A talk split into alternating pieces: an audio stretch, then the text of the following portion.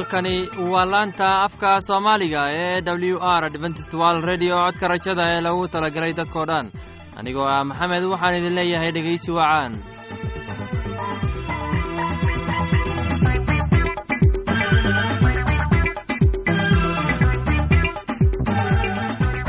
barnaamijyadeena maanta waa laba qaybood. Qaybta koowaad waxaad ku maqli doontaan barnaamijka nolosha qoyska. Uu inoo soo jeedinaya garane. Kadib waxaa inoo raacaya cashar inaga imaanaya bugga nolosha. Uu inoo soo jeedin doona cabdi maxamed. Labadaasi barnaamij ee xiisaha leh waxaa inoo dheeraysa daawacsan oo aynu idiin soo xulnay kuwaas aynu filayno inaad ka heli doontaan. Dhegeystayaasheenna qiimaha iyo khadradda lehow waxaynu kaa codsanaynaa inaad barnaamijkeenna si haboon u dhegeysataan. Haddii aad wax su'aalaha qabto ama aad haysid wax tala ama tusaale fadlan inala soo xiriir dib ayaynu kaaga sheegi doonaa ciwaankeenna bal intaynan u gudagelin barnaamijyadeena xiisaha leh. Waxaad marka hore ku soo dhawaataan heestan daabacsan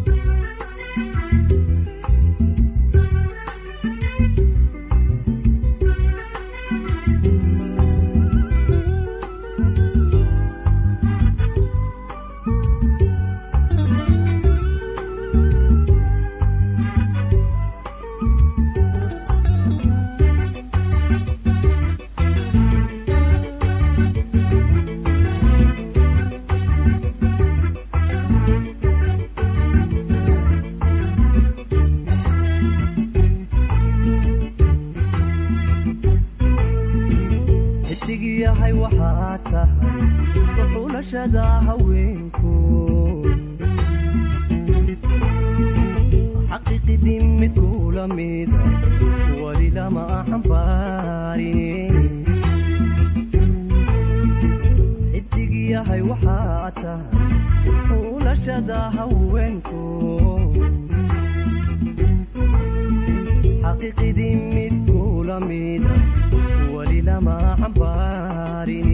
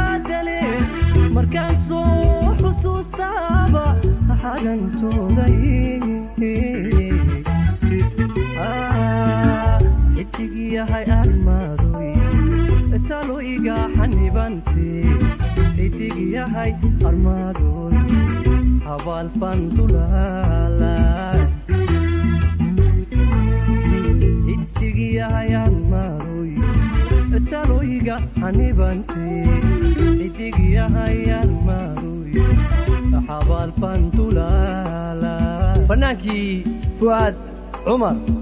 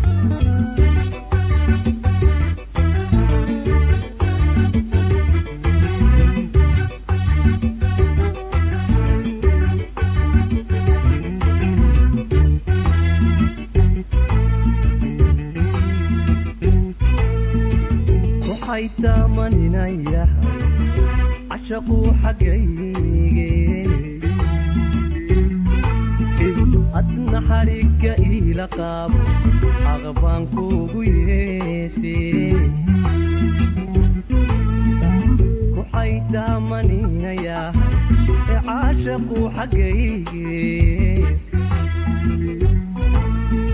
Adna xadhigga iila qaabo aqbaan kuugu yeeshe. Xuralcayn lamoodi caragada u dhalatay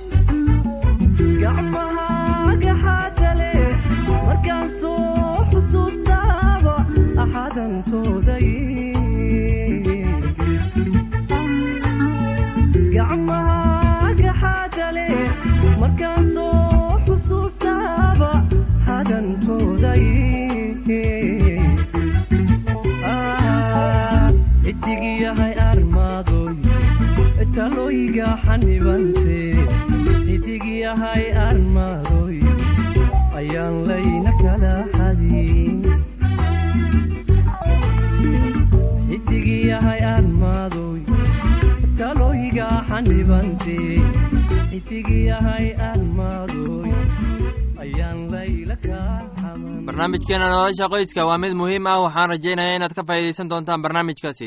Barnaamijku wuxuu ka hadli doonaa sida ay arrimuhu hooyada u quseeyaan waxaana inoo soo jeedinayaa garane ee dhegeysi wanaagsan.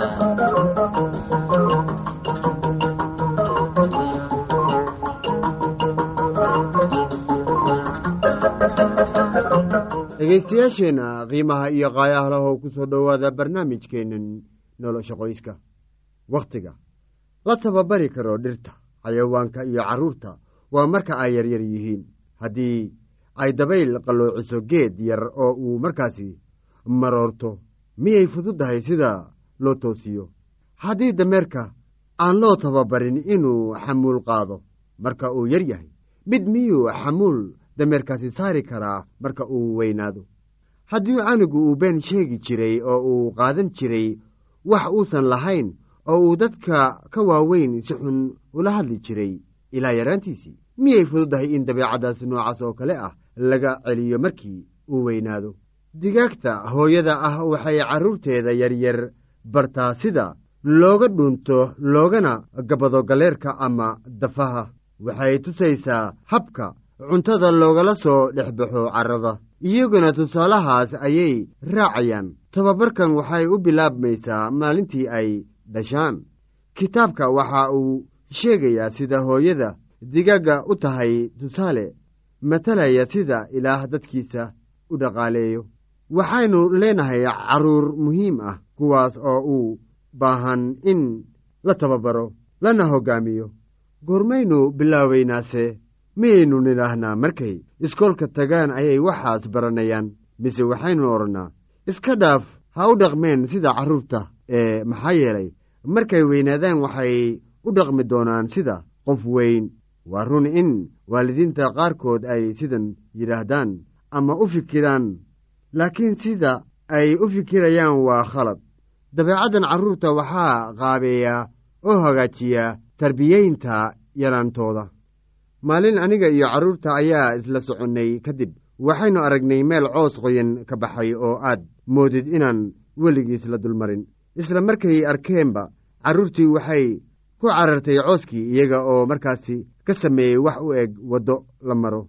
Markii ay ku dhex carcarareen dhowr jeer waxay cooskii ka dhex sameeyeen waddo cad oo la qaadi karo. Sida ay waddada uga dhex qaabeeyeen cooska waa inay dabeecad wanaagsan uga dhex qaabeeyaan noloshooda. Marka aad wax wanaagsan samayso dhowr jeer adiga oo ku celcelinaya maalinba maalinta ka sii dambaysa waxay qaabaynaysaa dabeecadda wanaagsan. Kuwa ugu fiican waxaa weeye dabeecaddan runsheegidda addeecidda aabbaha iyo hooyada si farxad leh ula ciyaaridda carruurta kale ama nadaafadda. Waynu ku caawin karnaa carruurteenna inay dabeecaddan wanaagsan yeeshaan marka ay labo ama saddex sano jir yihiin. Sida jid looga samayn karo meel markaad hor iyo gadaal ugu carcararto dhowr jeer. Dabeecadda wanaagsanna sidaas oo kale ayay carruurtu u samayn karaan markii ay dhowr jeer sameeyaan maalinba maalinta ka sii dambaysa. Marka aynu isku dayayno inaynu ku caawinno kuweena yaryar sidii ay xaqaanay ku noqon lahaayeen waxaynu ku hagaajin karnaa sidii ay runta ku sheegi lahaayeen innaga oo markaasi xil iska saarayna dhibaatooyinka jira. Mararka qaar waalidka wuu xanaaqayaa marka canugiisii sameeyo wax khalad ah. Carada ka muuqata codkiisa iyo fiirada kulul ee uu canugu ku eegayo ayaa canugii waxay ka yeelaysaa inuu been sheego. Marka canuga lala wajaho su'aalo ad adag oo caro ka muuqata sida waxan ma adigaa sameeyey? Waxaa dhici kartaa in cabsi awgeed uu kaga jawaabo maya haddii ay waalidka si deggan uga iman lahaayeen canuga oo ay si deggan u weydin lahaayeen xaaladda waxaa dhici lahayd inuu runta sheegi lahaa taasna waxay xoojin lahayd dabeecaddiisa ku saabsan runta. Dhegaystayaal waxaan idinku guwaabinayaa inaan carruurteenna barno addeecidda waa heegan oo idin leh. Allah idin barakeeyo. Waxaan filayaa inaad si abbaan u dhegaysateen casharkaasi. Haddaba haddii aad qabto wax su'aal ah oo ku saabsan barnaamijka nolosha qoyska fadlan inala soo xiriir ciwaankeenna waa codka rajada sanduuqa boostada afar laba laba todoba lix nairobi kenya. Mar labaad ciwaankeenna waa codka rajada sanduuqa boostada afar laba laba todoba lix nairobi kenya. Waxaa kaloo inagala soo xiriiri kartaan imeilka somali e w r at yahu dt com. Mar labaad imeilka waa somali e w r at yahu dt com. Haddana waxaad mar kale ku soo dhowaataan. Heestan daawacsa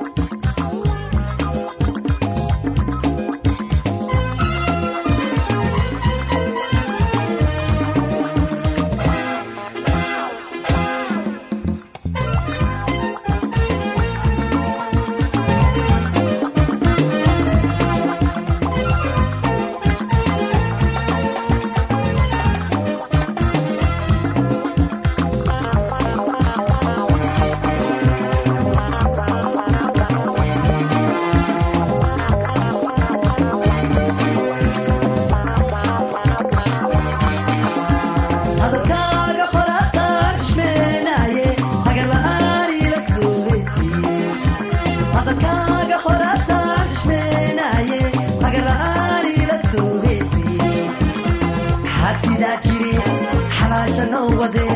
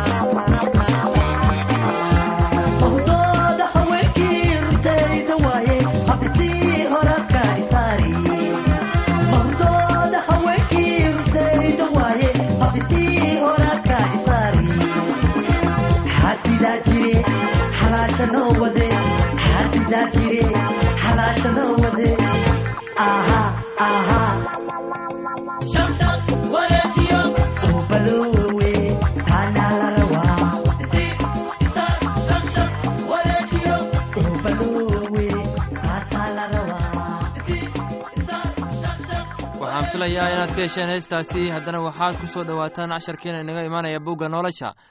Casharkeenna wuxuu ku saabsan yahay waraaqdii koowaad uu bawlos qoray waxaana inoo soo jeedinayaa cabdi maxamed ee dhegeysi wacan.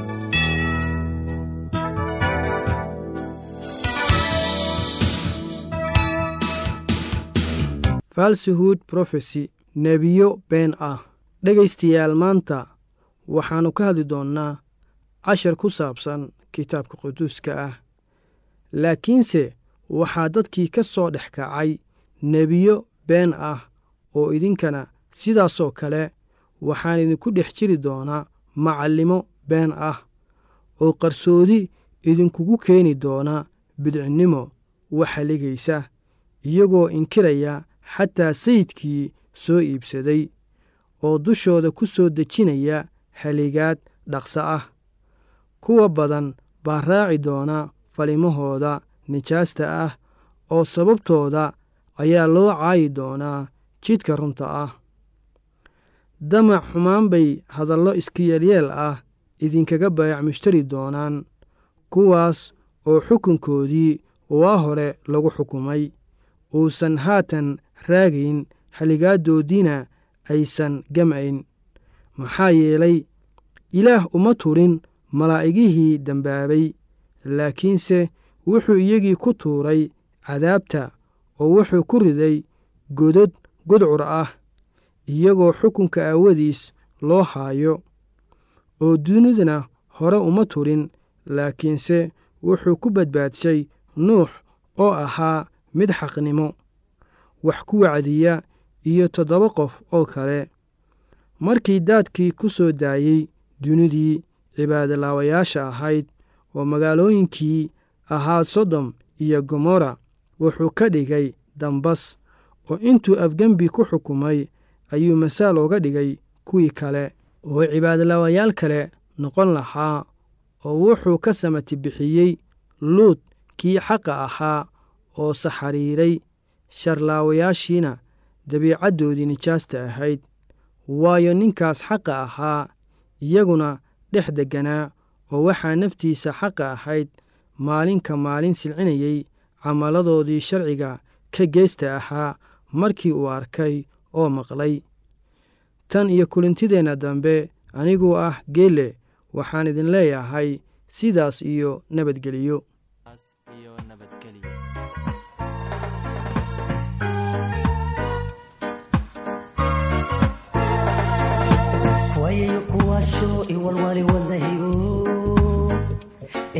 inaan inaan kuweshado ayaan doonayaa. Waya waya badan ku doondoonayo maalintaan ku arkaan waxaan idhi wow wow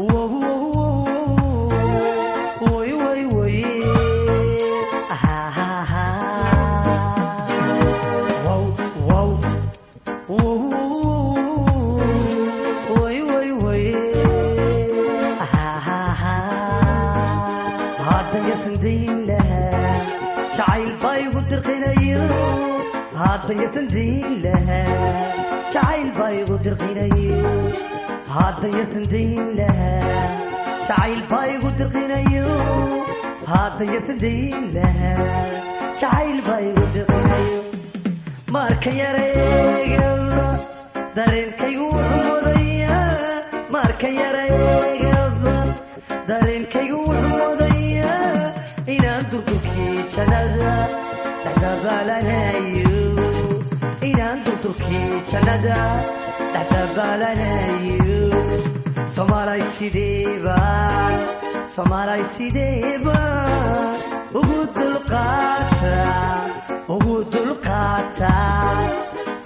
sidee sidee soomaalay sideebaan ugu dulqaata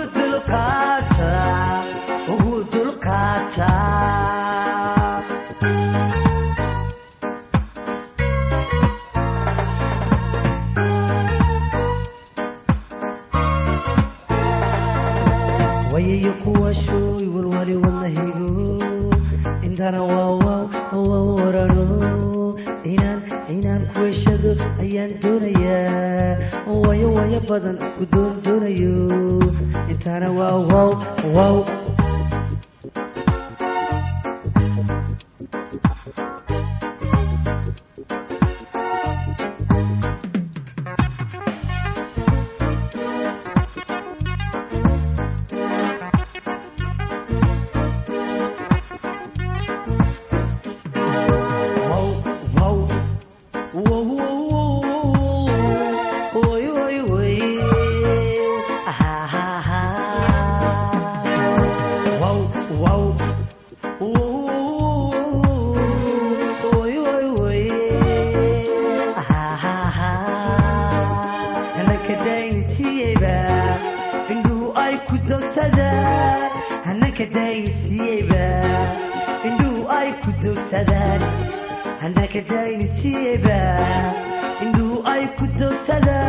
dogsadaan hanaka daynsiiyeyba indhuhu ay ku dogsadaan marka laba eegaba dareenkaygu wuxuu wadayaa marka laba eegaba dareenkaygu wuxuu wadayaa inaan durdurkii jannada dhexdabaalanayo inaan durdurkii jannada dhexdabaalanayo soomaalay sidee sidee soomaalay sideeba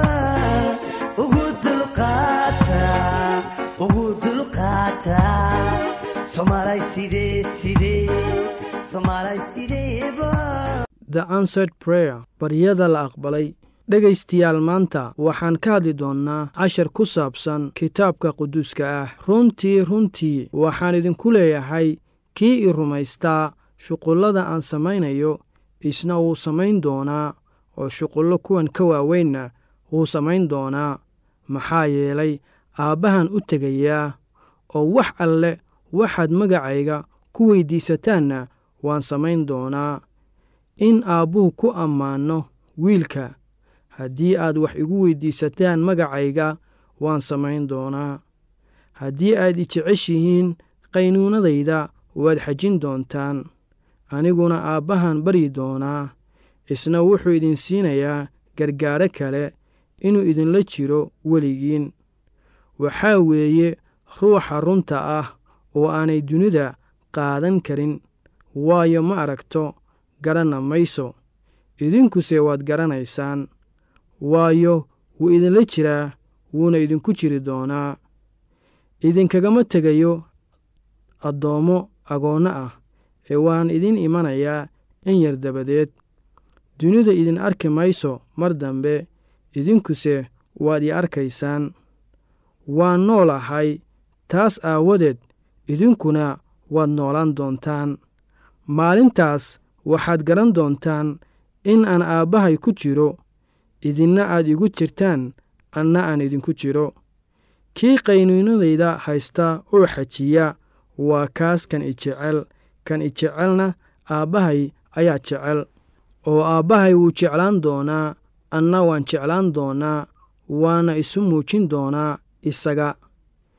Yudas ayaa ku yidhi isaga sayidow maxaa dhacay oo annaga aad isugu kaaya muujin doontaa dunidan aadan isugu muujin doonin? Ciise ayaa u jawaabay oo ku yidhi haddii nin i jecel yahay hadalkayguu xajin doonaa aabbahayna waa jeclaan doonaa oo waan u iman doonaa waana la joogi doonaa. Kii aan jeclahay hadalkayga ayuu xajiyaa. Kaan i jeclaynna hadalkayga ma xajiyo. Hadalkaad maqlaysaanna kayga ma aha laakiin waxaa leh aabbaha isoo diray. Tan iyo kulintideenna dambe anigoo ah geelle waxaan idin leeyahay sidaas iyo nabadgelyo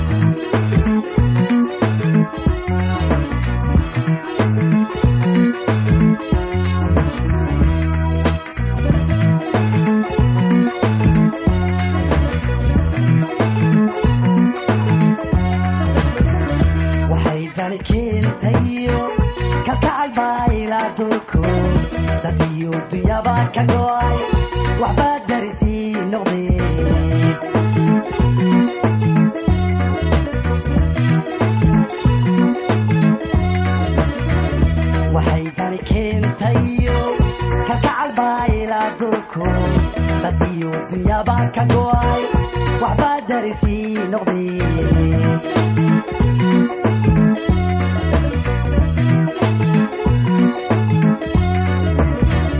dugaagan weheshada dumeeraya kaymaho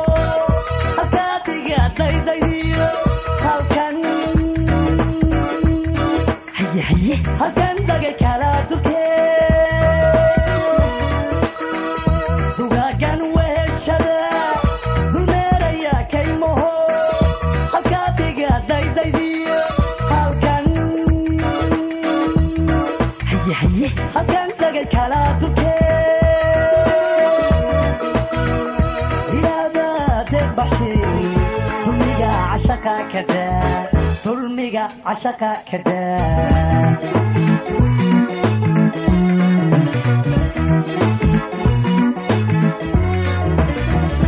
ilaabade baxshe dulmiga cashaqa kadaa doorashada cashaqa kada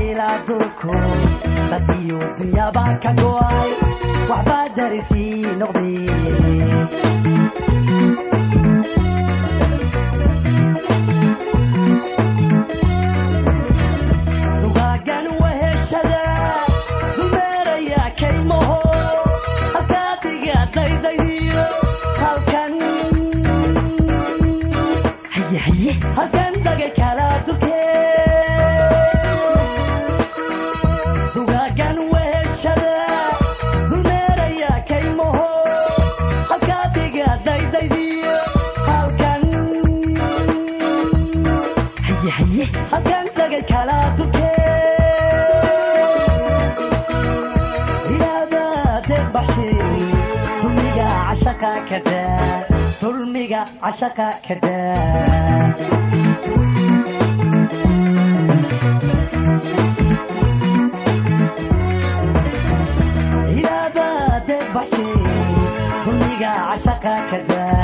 doorashada cashaqa kada